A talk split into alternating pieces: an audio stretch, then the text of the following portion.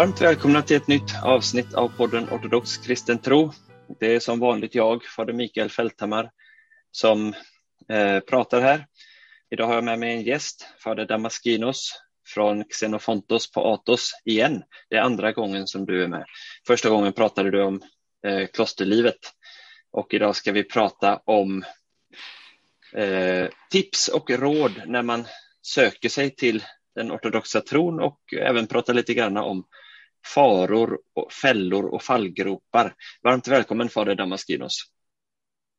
Tack så mycket för inbjudan igen. Ja, jätteroligt att du är med. Innan vi sätter igång vårt samtal så ska jag dock eh, säga lite av det vanliga som jag brukar säga. Jag är ju präst i Kristi uppståndelses ortodoxa församling i Göteborg som du hittar på www.kristiuppstandelse.se. Och vill du stötta den här podden så kan du swisha en gåva till församlingen och det gör du på swishnummer 123 278 8099. Om du går in på vår hemsida så kan man även hitta andra sätt att skänka eh, gåvor på, eh, bankgiro och eh, Paypal. Den här podden sponsras också av bokförlaget Artos. Och eh, idag så ska vi tala lite grann om grunderna som sagt i den ortodoxa tron. Och då tyckte jag att det var väldigt lämpligt att tipsa om boken Filokalia 2. Och det är ju eh, numreringen här. Vid ett annat tillfälle tipsade jag om eh, Filokalia 1. Numreringen här är ju bara för den svenska utgåvan. Och eh, det är då fader Bengt Pojanen som håller på att översätta det till svenska. Och i den här del nummer två så finns helige Johannes Cassianus texter och det helige Markus Asketens texter. Och personligen så tycker jag detta är den bästa av dem som har utkommit på svenska än så länge. Jag ska läsa ett citat från helige Markus Asketen. Han skriver på sidan 64, så säger han så här. Undersök dina egna synder, inte din medmänniskas. Då får du aldrig tid att stänga din andliga smedja.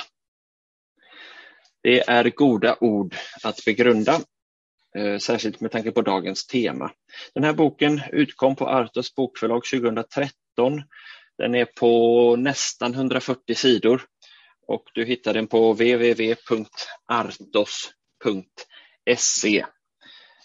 Ja, eh, det är, både, både jag och fader Damaskinos eh, möter människor som söker sig till tron. Och eh, vi, eh, vi skulle vilja prata om olika eh, fallgropar och faror, men framför allt lägga tonvikt på vad som är det viktigaste när man eh, söker sig till den ortodoxa kyrkan. Jag brukar säga till de som kommer till vår församling i Göteborg att eh, människor kommer på väldigt olika vägar, olika sätt Eh, och hittar tron. Eh, en del kommer från kristen bakgrund, eh, lämnar som jag Svenska kyrkan för att bli ortodoxa. En del kommer från frikyrklig bakgrund och söker sig efter ett, vad ska man säga, mera ursprungligt andligt hem och, och hittar det i ortodoxa kyrkan. En del kommer från helt sekulär bakgrund och har på olika vägar eh, hittat tron via ikonkonsten eller via studium av andra religiösa traditioner. Ja, det kan se väldigt olika ut, kort och gott. Eh, en sak som präglar vår tid är att många hittar tron också via internet och nätet, eh, särskilt bland unga människor. Detta är i alla fall min erfarenhet. Fader Damaskinos, är det eh, någorlunda, stämmer det någorlunda överens med din erfarenhet också? No, jag har ganska olika erfarenheter um, också från Finland uh, uh, och sen också jämfört med Atosberget. Alltså i Finland är det kanske lite annorlunda eftersom vi har en gammal ortodox tradition och um, det finns många familjer som förut har varit ortodoxa men nu för tiden är inte längre ortodoxa. Uh, så det finns ganska många människor som söker på sina rötter och uh, det kommer från karelska familjer som um, har före det andra världskriget bott i ortodoxa byar och så vidare, men sen efter det har blivit lutheraner. Um, så det, sådana människor är oftast 40 till 60 år gamla eh, då de börjar söka sina rötter, då deras föräldrar blir äh, eh, gamla och äh, börjar dö. Och sen, äh, sen har vi en annan grupp som är liksom folk som är intresserade i teologiska frågor, ehm, ofta har studerat teologi, oftast luthersk teologi. Sen har vi många konstnärer som är väldigt lockade av uh, ortodox uh, gudstjänstliv.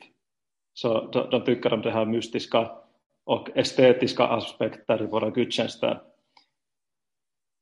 Um, och i Finland har det varit så att det, förut var det inte så många frikyrkliga som blev ortodoxa, så det var oftast lutheraner eller, eller uh, även ateister, men det var inte så mycket kanske dogmatiska frågor uh, som, som var viktiga för folk som var lockade av ortodoxin. Det var mer det här uh, att traditioner och uh, estetik att göra. Men nu för tiden finns det lite mera sådana människor som också kommer från Pingstkyrkan till exempel, eller den finska frikyrkan uh, och också andra grupper. Uh, här på Atosberget är det förstås lite annorlunda um, när det är bara män här som kommer. Um, och uh, det finns väldigt olika, olika vägar här. Um, det är några som som uh, bara plötsligt kommer till Atosberget, vet ingenting om det, men blir väldigt intresserade av ortodoxin på grund av sitt besök och sen blir ortodoxa. Eh, och sen finns det några som har hört om Atosberget och vill se vad det handlar om och sen blir ortodoxa här eller någon annanstans. Så det finns ganska olika grupper, men uh, som du sa Fader Mikael finns det nu för tiden också eh, uh, mera och mera människor som blir intresserade av ortodoxin genom internet. Um, och um, för mig personligt, också som präst och biktfader, uh, Eh, är det en ny sak som, som man måste ta hand om uh, och försöka liksom hitta uh, rätta sätt att undervisa folk om det här internetortodoxin. Vilket är lite också paradoxalt att vi, vi har detta samtal över internet, men sånt är livet nu för tiden, speciellt med covid, covid, uh, och så vidare. Just det. Ja, precis. Det, eh, internet får man väl, eh, måste man väl betrakta som något egentligen neutralt i sig, som med alla andra saker som vi möter i vår tillvaro. Och eh, till syvende och sist så kokas det ner till hur vi använder eh, internet, om vi använder det till något positivt eller negativt, om vi använder det till Guds ära eller Eh, för våra egoistiska begär. Eh, I Filokali säger eh, helige Maximus, bekännaren, att saker är inte dåliga eller goda. Det är bara sättet på vilket vi använder saker som gör dem dåliga eller goda.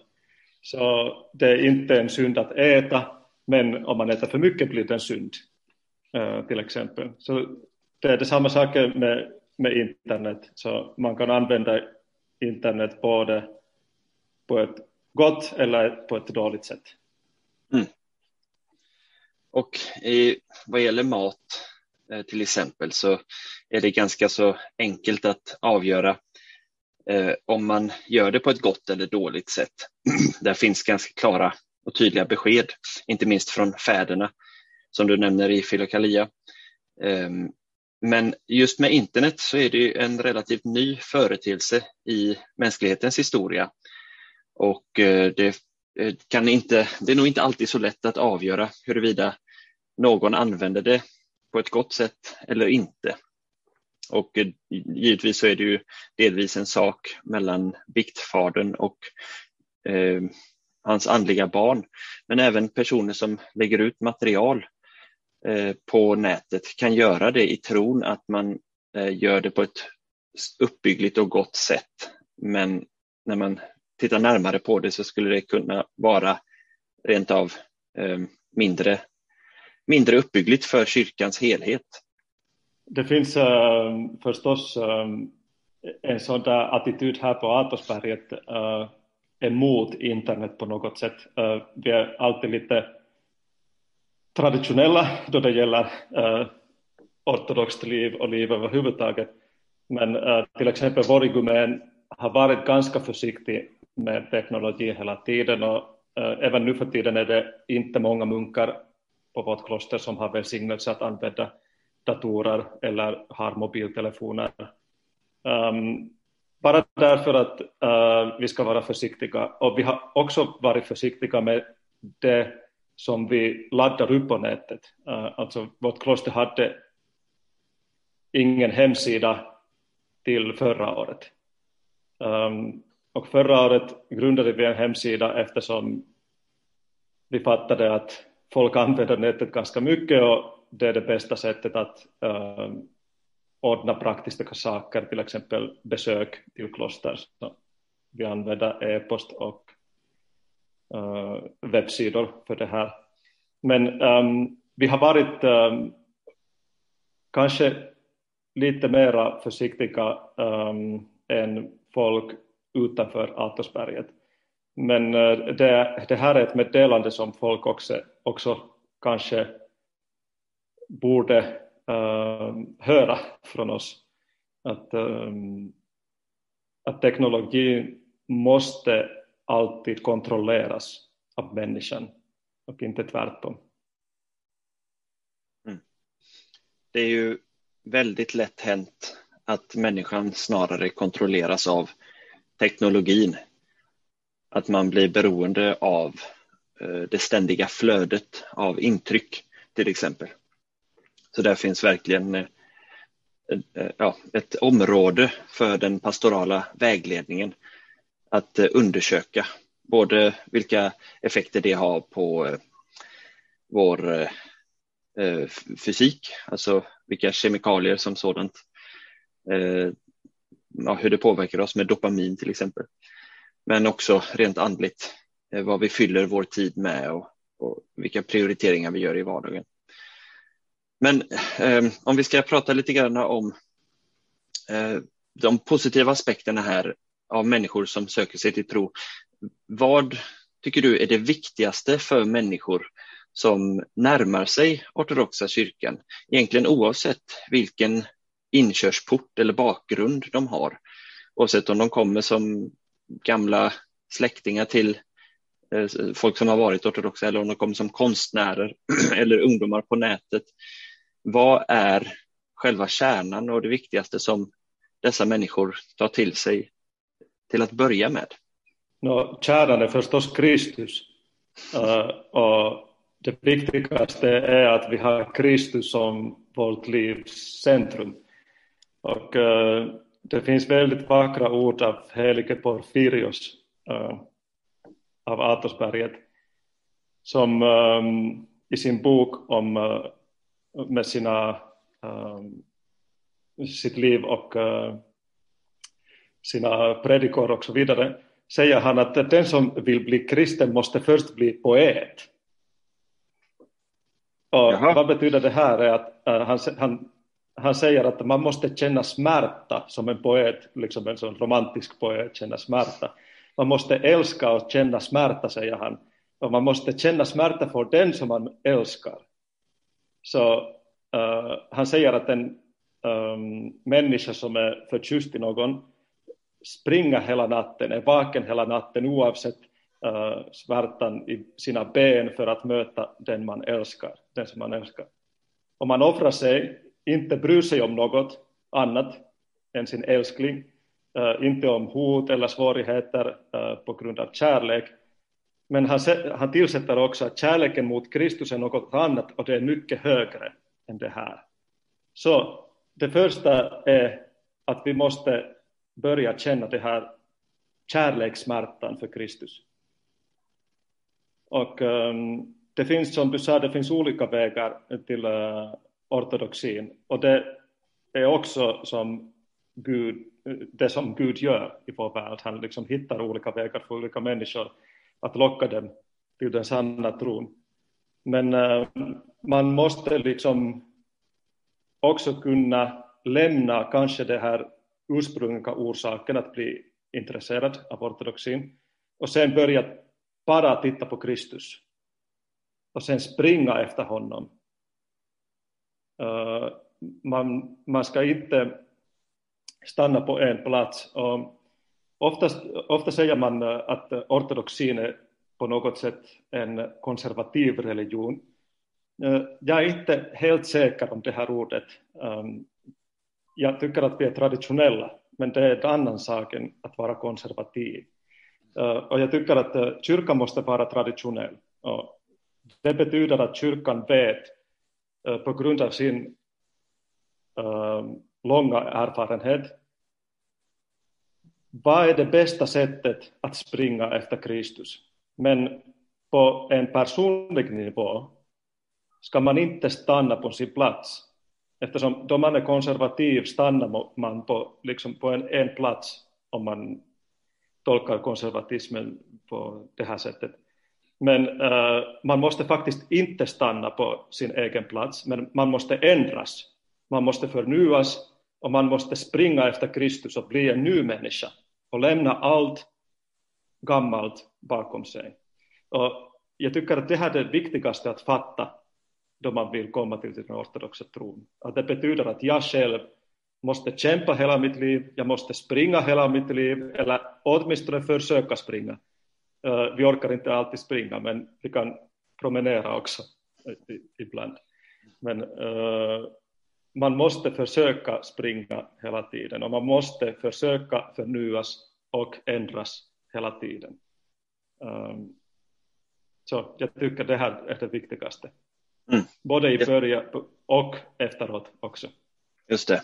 Ja, den slags konservatism du beskriver kan man nog kalla för strukturkonservatism. Den som är stillastående och i viss mån tillbakablickande. Men eh, eh, det är en definition av det, men vi ska inte uppehålla oss vid det nu. Det kan vara ämne kanske för en annan, ett annat avsnitt. Men fantastiskt beskrivet att eh, springa mot Kristus. Det är som Paulus säger, jag löper mot målet för att vinna segerkransen. Och det är gemenskapen med Gud i Jesus Kristus. Jag tänker också på ett ord från, jag tror att det är helige Isak Syrien, som säger någonstans att um, i det andliga livet så det, finns det inget stillastående. Antingen så uh, går du framåt och gör framsteg i tron, eller så går du bakåt och eh, uh, uh, regri, vad heter det? Regression, alltså du går tillbaka i din andliga utveckling. Och det talar ju om vad det ortodoxa livet är. En lång, lång process av successivt gudomlig görelse i, i människans person. Och det är naturligt då att vi går från det som, om vi talade om inkörsporten tidigare, så nämnde du att man, man lämnar nog det därhän så småningom. Det kanske kan Eh, kallas för den andliga barnfödan. Paulus skriver om det någonstans i, jag tror, första Korintierbrevet. Men det är också naturligt att vi söker oss vidare till något som är mer än det som var det första. Och, och som sagt, det första kan vara vad som helst. Eh, saker som vi nästan inte ens kanske tycker är särskilt positiva, men de kan vara det som för oss till tron. Eh, tron på Kristus. Och, och, men sen så när vi då har kommit in i kyrkans gemenskap som är är Kristi kropp, då behövs något eh, eh, mer. Då behöver man vara ödmjuk och öppen för vad kyrkan har. Och, och du talade väldigt vackert om att kyrkan är traditionell. Och det är ju för att, vad är traditionen? Jag tycker om ett citat av, jag tror att det är Vladimir Losky, traditionen är den heliga andes liv i kyrkan genom historien. Så det är liksom eh, att vara traditionell, det är att hålla sig till den heliga ande och eh, ha sitt liv av den heliga ande. um, och att bli gudomliggjord helt enkelt. Men eh, rent konkret, eh, löpa mot Kristus, springa mot Kristus. Vad innebär det rent konkret då? No, um, jag tycker att då man försöker skapa den här attityden inom sig, att ha Kristus som sitt livs centrum, eh, börjar man se alla saker eh, lite annorlunda än tidigare. Och det här talar också Helge Porfirios ganska mycket om. Han säger att uh, om man älskar Kristus börjar allting vara annorlunda. Och det är också det man fattar i munkslivet, alltså eh, man måste bestämma sig att uh, bli en munk. Eh, det är alltså ett personligt beslut. Sen efter det blir det munksvigning och efter munksvigningen får man information av Gud så liksom Gud visar munken, den nya munken, uh, vad är gott, vad är dåligt, vad borde man göra, vad borde man inte göra. Eh, och sen efter den här informationen som man har fått från Gud eh, um, fattar man vad man borde göra. Och sen måste man börja jobba sig själv. Um, och det är samma sak för kristna människor tror jag, att, man måste liksom göra ett konkret beslut att jag ska nu följa Kristus, jag ska vara uh, den ortodoxa kyrkans medlem, uh, jag på något sätt god, godkänner inom mig den ortodoxa tron. Och efter det börjar allting vara annorlunda. Um, man får lite hjälp av Gud um, att inse några saker i sitt liv. Uh, vad borde jag göra, vad borde jag inte göra? Och kyrkan hjälper på den här vägen hela tiden. Genom kyrkoåret till exempel, kyrkan säger nu borde du fasta, nu borde du festa. Det måste man också göra. Så kyrkan liksom ger en rytm till människans liv för att försöka nå Kristus på det bästa möjliga sättet. Och um, konkret betyder det förstås att fasta, att be, att vara en bra människa mot de andra, att vara vänlig, att vara full av kärlek, att vara ödmjuk uh, och inte ha någon hata inom sig, uh, inte um, inte bli för fanatisk heller. Det är alltid en fara i alla religioner, också den ortodoxa kyrkan. Um, men alltid vara ödmjuk. Och alltid lämna saker till Guds händer. Det är det viktigaste. Uh, till slut kan vi inte kontrollera allting. Det är också Gud som försöker hjälpa oss och vi måste ge honom lite uh, tid och möjligheter att hjälpa oss. Om vi inte ger honom möjligheter ska han inte hjälpa oss eftersom han också respekterar vår fria vilja. Det finns en gammal gospelsång från eh, USA där en textrad lyder så här eh, angående att ropa på Gud och be Gud om hjälp. Då sjunger de He may not come when you want him but he is right on time. Så det kan vi ta till oss. He may not come when you want to, but it's right on time. Um, det handlar ju om att uh, sitta, Eh, luta sig tillbaka lite grann och eh, som, precis som du säger, förlita sig på Gud, lära sig att eh, lita på Gud. Um, du, du, ja. Och sen är det också, sen är det också en sak som jag har tänkt om med nya ortodoxa människor är att um, ofta då vi blir ortodoxa vill vi ha så många erfarenheter som möjligt. Vi vill liksom uh, se allting, vi vill lära oss allting. Uh, men det är alltid inte bra. Uh, en av uh, största sakerna som man måste lära sig som ortodox är att nöja sig med det som man har. och inte springa mot mera och mera erfarenheter. Man springer bara mot Kristus, inte erfarenheter, Kristus. Och Kristus eh, som Gud finns överallt. Vi behöver inte gå någonstans eller se någonstans, någonting eh, för att möta honom. Vi kan möta honom överallt. I våra hem, i kyrkan, i vår egen kyrka. Eh, man behöver inte ens komma till Atosberget för att möta honom. Förstås är det fint att komma till Atosberget och se saker och lära sig om eh, uh, munksliv här, men det är inte nödvändigt. Och uh, det måste man också förstå. Det, jag tänker kanske mera om uh, det här som Kristus säger i Lukas evangeliet då hon, han besöker Martas och Marias hem. Uh, och han säger åt Marta, Marta, Marta, du gör dig bekymrad och oroar dig för så mycket, fast bara en sak behövs. Maria har valt det som är bäst och det ska inte tas ifrån henne. Så bara en sak behövs, bara Kristus behövs, ingenting annat. Uh, och också den uh, liknelsen om den rike mannen och Lazarus i Lukas evangeliet. Uh, då den rike mannen frågar om Abraham kan skicka något meddelande åt sina släktingar att de skulle vara mer försiktiga så att de inte skulle gå i helvetet. Så svarar Abraham att de har Mose och profeterna, de kan lyssna till dem.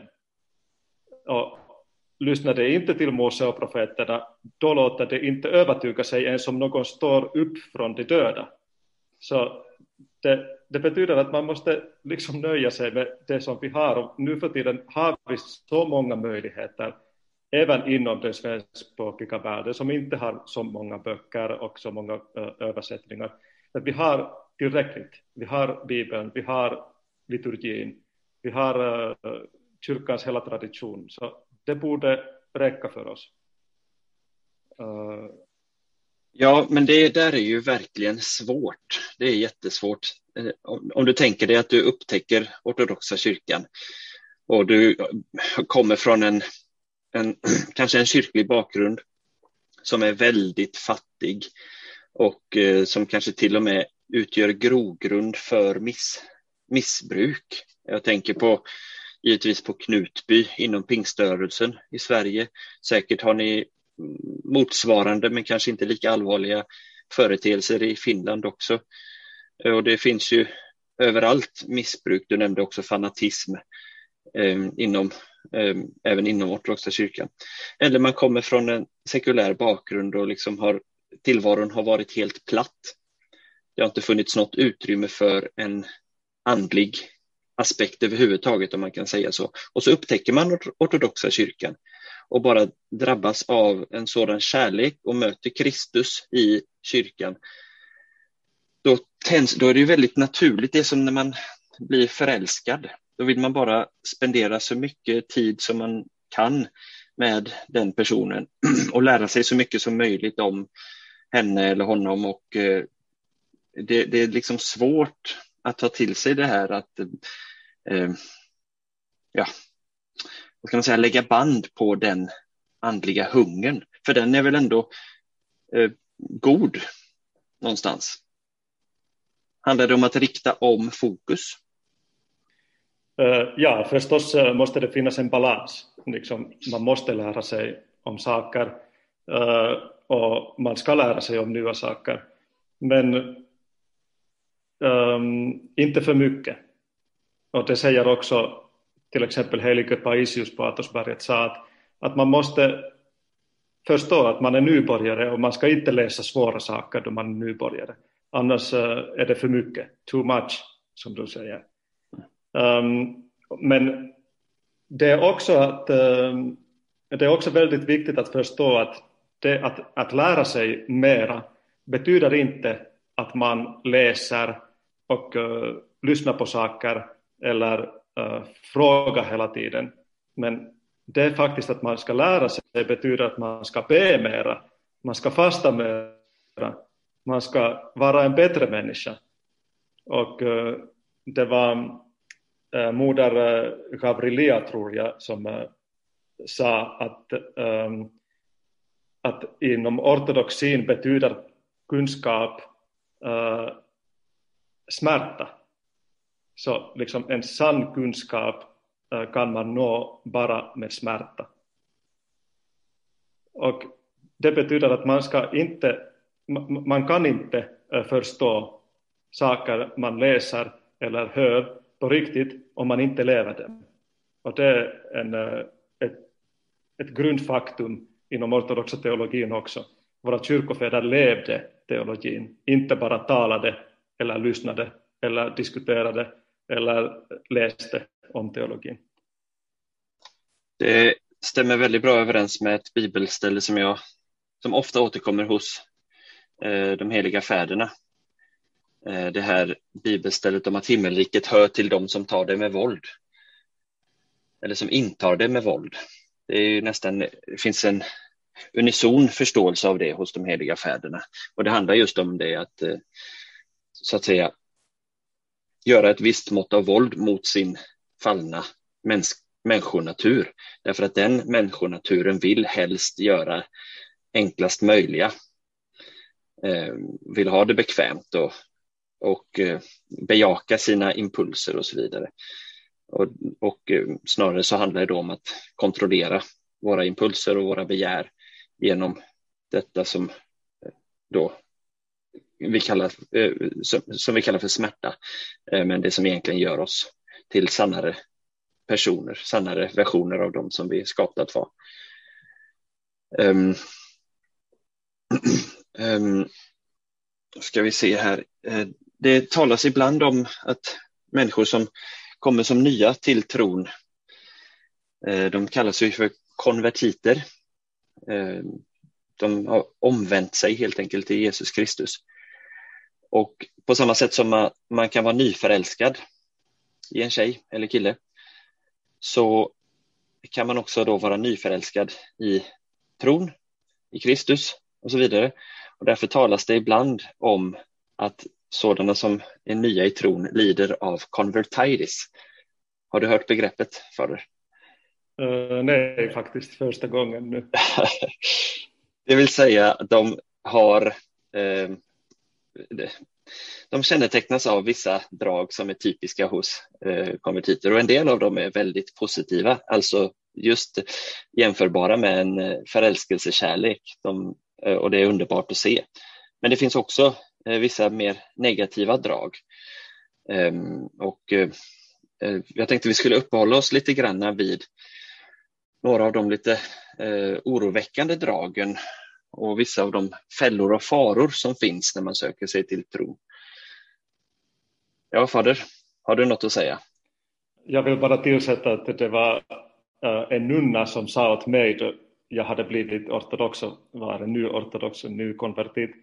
Eh, hon sa att eh, du ska njuta av denna smekmånad som du har med kyrkan men som i alla äktenskap tar smekmånaden slut på, uh, efteråt. Och sen måste man vara ödmjuk och ha tålamod.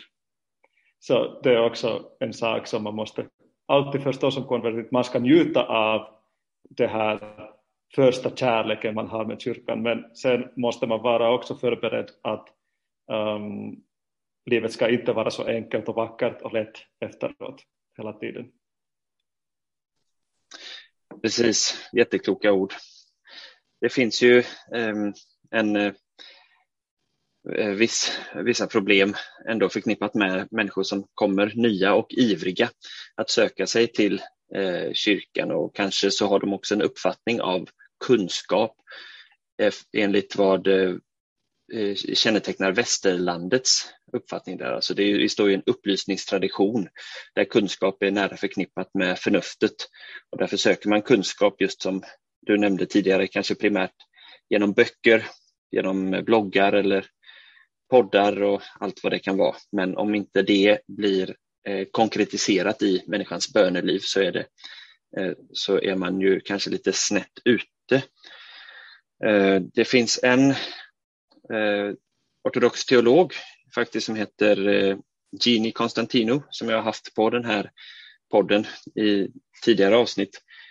Och eh, hon talar om vissa av de här problemen och betonar just vikten av att försöka förvärva ett ortodoxt sinnelag. Hon eh, lägger mycket kraft vid det. Och då i början av hennes bok Thinking Orthodox Understanding and Acquiring the Orthodox Christian Mind så nämner hon vissa problem och avarter av eh, ortodoxi och eh, tar bland annat upp Eh, internetfenomen. Hon talar om människor som inte har någon form av eh, akkreditering eller utbildning överhuvudtaget för att tala om ortodox teologi och ortodox tro, men som ändå påtar sig den rollen. Eh, hon talar om människor som liksom ja, eh, är mer ortodoxa än eh, patriarken av Konstantinopel, fast de kanske inte ens har blivit döpta eller middagsmorda än. Ehm, och det är ju ett problem. Um, hon skriver att faith is declining while pseudo-knowledge and egoism are increasing. Något som kännetecknar våran tro. Hon tycker och skriver att mycket av det som finns på nätet och en del av de här eh, negativa kännetecknen på de som nyss har kommit till tron eh, får henne att tänka på församlingen i Korint. Hon skriver att St. Paul's assessment of the ancient Corinthians that they were puffed up with knowledge comes to mind. Första Korintierbrevet 4.6. Lack of piety and humility combined with an overinflated sense of self-importance has resulted in a spiritual epidemic of our age, self-delusion. Och det finns ju en fara här eh, just med eh, en västlig uppfattning av vad kunskap är. Att man har läst mycket och att man ger sig ut eh, och vet mer än eh, som någon sa då, mer än patriarken av Konstantinopel. Man är mer katolik än påven själv, säger man inom katolska kyrkan. Ehm, eh, där finns en fara ehm, som just har att göra med vad hon skriver här, self-delusion, självbedrägeri på ryska, prelest. Och det är ju, är ju raka motsatsen till vad du, Fader, talade om tidigare, om ödmjukheten som är så viktig. Känner du igen detta? Ja, väldigt bra. Och jag själv som har samarbetat med Ekumeniska patriarkatet uh, har hört ganska mycket om det här, um, tyvärr. Um, jag kan bara själv säga att folk inte förstår hur svårt det är att vara Konstantinopels patriark. De förstår inte. Och därför har vi en hierarki inom kyrkan. Om man läser helige Dionysios Areopagitan, han talar om den här hierarkin. Eh, och det, hierarkin, och han har faktiskt kommit upp med det här ordet hierarki första gången i historien. Och han talar om hierarkin på ett sätt att um, på det sättet att varje nivå i hierarkin måste göra sitt eget arbete och inte andra nivåers arbete. Och det är väldigt viktigt att förstå inom kyrkan. Vi har en viss hierarki. Det finns några saker som tillhör bara biskopar, inte andra. Det finns några saker som tillhör präster, inte andra. Eh, och det finns några saker som tillhör lekmän. Och eh, då det finns problem på någon nivå av hierarkin måste det alltid vara högre nivåer som tar hand om dessa problem. Så om någon biskop gör fel är det biskopsmötet som tar hand om problemet. Om någon äh, präst gör fel är det prästens biskop som tar hand om problemet.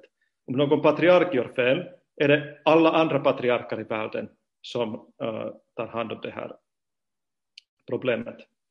Så man måste fatta det här och det är speciellt um, tyvärr uh, lekmän och präster som inte förstår det här. Och de börjar tala emot sina egna biskopar som inte är tillåtet inom ortodoxa traditionen. Det är väldigt farligt att tala emot sin egen biskop. Ehm, um, då kanonerna är ganska stränga med den här frågan. Um, och sen som sagt, allt det här internetmaterial, man borde ha kanske ett kriterium för att döma dem. Så um, vi måste, om vi vill bli gudomliggjorda uh, måste vi bli ödmjuka och fulla av kärlek. Så den första frågan då jag ser på en video på internet eller läser en text på internet är blir jag ödmjukare och blir jag full av kärlek då jag läser den här texten? Eller blir jag full av hat? Till exempel. Och um, den, det är den första frågan. Och den andra frågan, den väldigt viktiga frågan, är lär jag mig enhet genom den här texten eller den här videon? Enheten är det största kriteriet inom ortodoxa kyrkan. Och enheten visar att vi faktiskt är traditionella, som du sa, att vi har den helige anden inom oss. Han kallar oss till enhet hela tiden. Så äh, det var en igumen här på Atosberget som dog äh, ett par år sen, äh, fader Emilianos från Simonopetra, och han brukade säga att det är alltid bättre att göra fel tillsammans än att ha rätt ensam. Och det här måste man förstå, att, att vara ortodox betyder att man gör saker tillsammans i enhet med de andra. Och sen efter det kan helige anden rätta saker, korrigera saker, korrigera våra fel eftersom vi är människor som gör fel. Men om vi börjar tänka på ett egoistiskt sätt, som, eh, som du sa, och börja tänka att bara jag eller bara en liten grupp av människor har rätt inom kyrkan, då finns det ingen enhet och då finns det ingen helige ande. Oj, ja, det är verkligen ord som är svåra att eh, ta till sig känner jag för mig som är uppvuxen i, i väst, just där eh, eh, ja, men, och, och, som gammal lutheran också. Jag tänker på Luther vid eh, eh, något förhör i Worms där han stod upp och sa här står jag och kan inte annat. Eh, för han hade då, menade han, upptäckt en sanning som eh, romersk-katolska kyrkan hade missat. Och det där sättet det präglar ju sen hela protestantismen, en, en subjektiv eh, förståelse av tron och subjektiv ledning av tron. Och någon snubbe tycker att hans kyrka har missförstått någon del av Bibeln och så går han och startar nytt. Och så fortsätter det så i en evig eh, eh, schattering av den protestantiska kristenheten. Eh, och i så, på så sätt så är ju det sättet att tänka är ju lite, eller inte så lite, det är ganska mycket protestantiskt präglat helt enkelt. Eh, likväl är det svårt att ta till sig, eh, men eh, den, som du säger, den heliga ande eh, är den som är den som vägleder kyrkan. Och där är det ju jätteviktigt då när man märker att så mycket är fel, om det nu är så, att man då har också odlat dygden tålamod och ägnar sig åt bön istället. Det är också ett ord från Markus Asketen som han nämner här i boken. Det är bättre att be för dina medmänniskor än att försöka tala dem till rätta med ord och argument. Och det tror jag förekommer hos både Paisios och helige Porfyrios från vår egen tid. Ja, fader, vad vill du säga?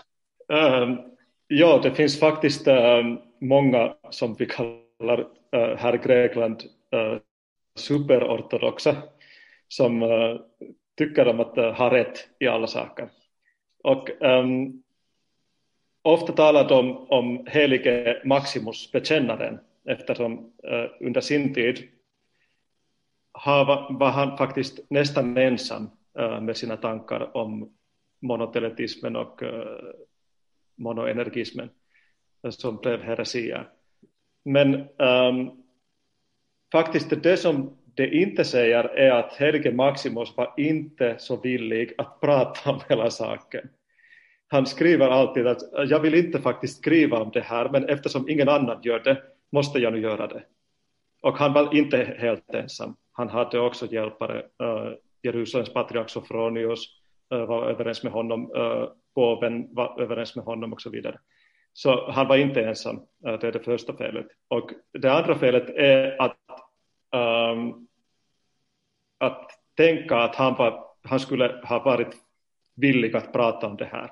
Så det är alltid också ett viktigt tecken om någon är jättevillig att korrigera de andra. Det är inte ortodoxt beteende.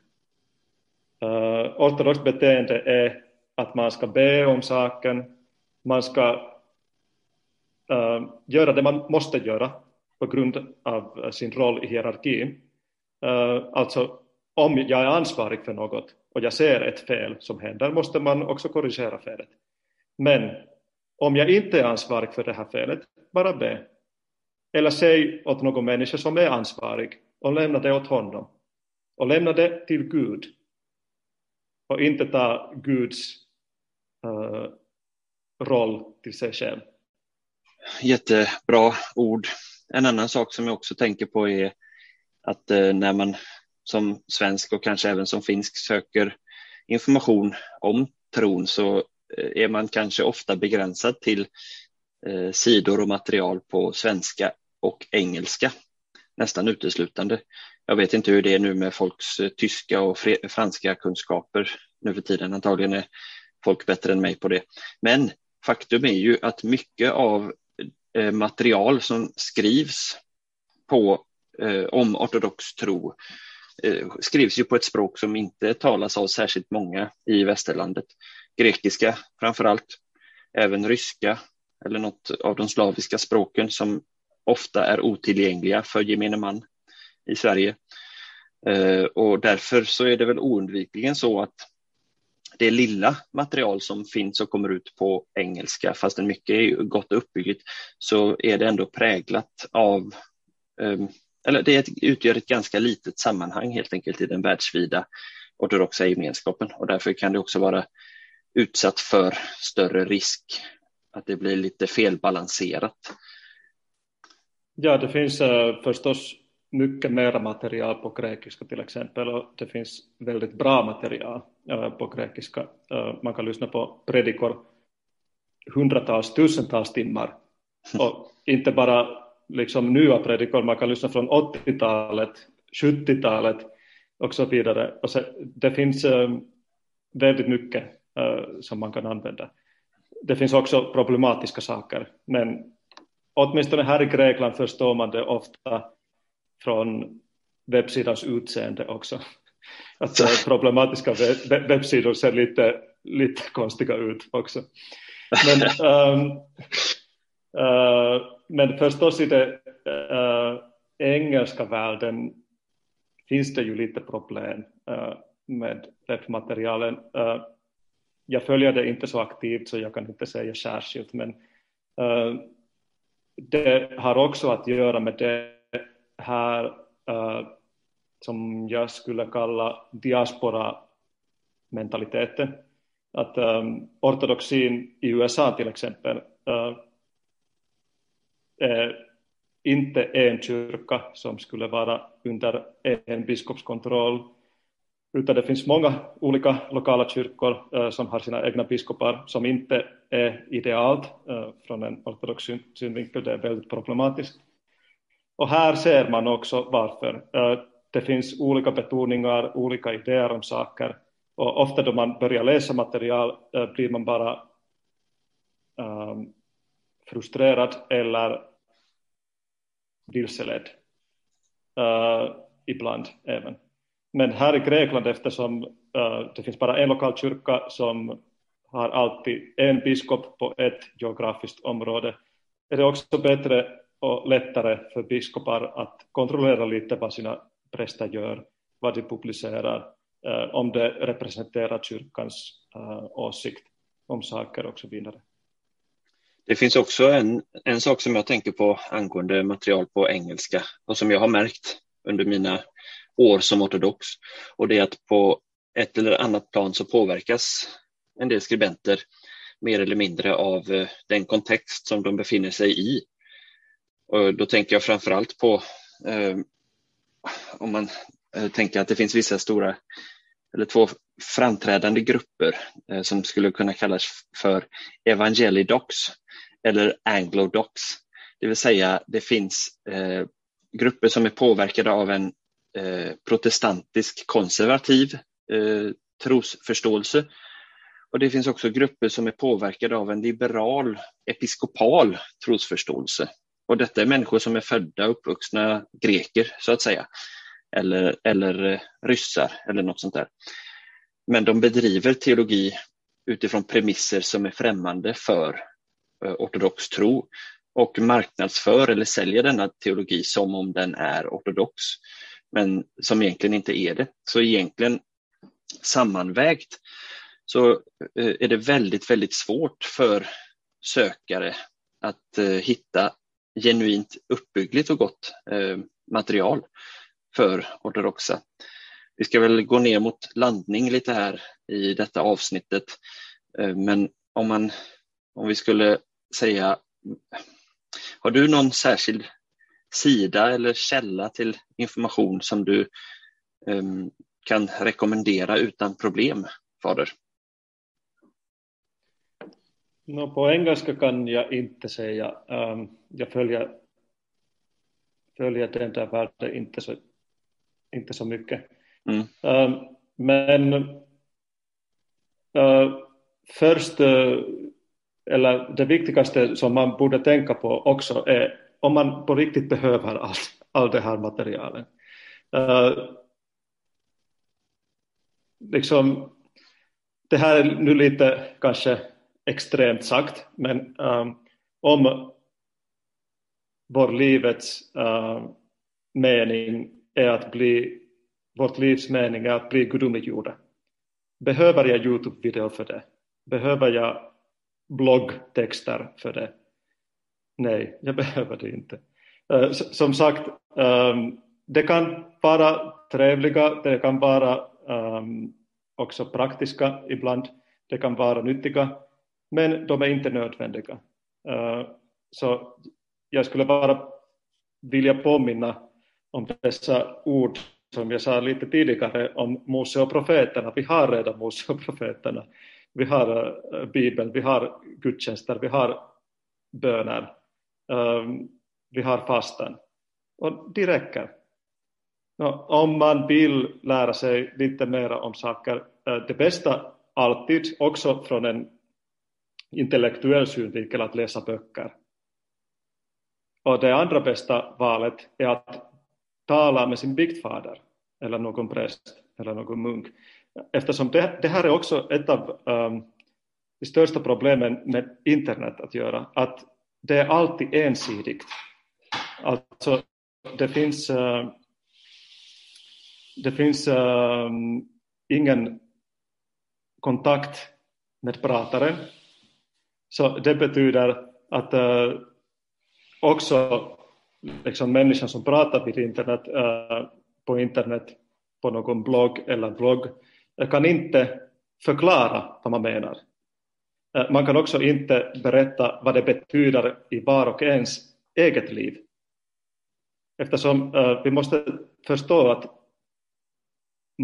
de flesta sakerna i ortodox andlighet måste vara uh, pastoralt, um, liksom de måste handlas pastoralt uh, med varje människa på, sin, på sitt eget sätt. Uh, ursäkta, jag kan inte förklara det bättre, men uh, alltså man måste förstå att det finns olika um, olika platser, olika tider, olika människor, olika situationer. Och det finns inte alltid en rätt uh, väg att göra saker. Uh, man, man, därför behöver man biktfader, därför behöver man biskopar som tar hand om lokala um, situationer. Och uh, det här är ett problem med internet, att man lyssnar på någon människa att säga något, men sen man blir jätteensam med de här tankarna. Att, vad betyder det här för mig? Hur borde jag leva enligt dessa idéer? Och, ehm, och därför skulle jag alltid säga åt människor, om ni har möjlighet, läsa böcker hellre än, hellre än texter på internet och tala med prästen. Mm. Det är det viktigaste.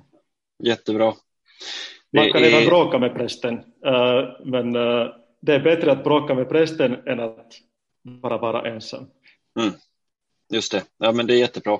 Det kan ju bli i värsta fall ett slags eh, återigen det här protestantiska, att man går runt på nätet och shoppar efter den åsikt som man själv tycker eh, passar en bäst. Och då lär man sig ofta inte något om, om dygden. Eh, fader, de orden som du sa där tycker jag var utmärkta eh, att avsluta med. Eh, jag tackar så jättemycket för att du har varit med på detta avsnittet igen. Tack så mycket. Och eh, till alla som lyssnar så säger jag att ni kan, eh, om ni vill, höra av er till mig, mikael.faltamar.gmail.com. Tack för att ni har lyssnat och Guds välsignelse till er.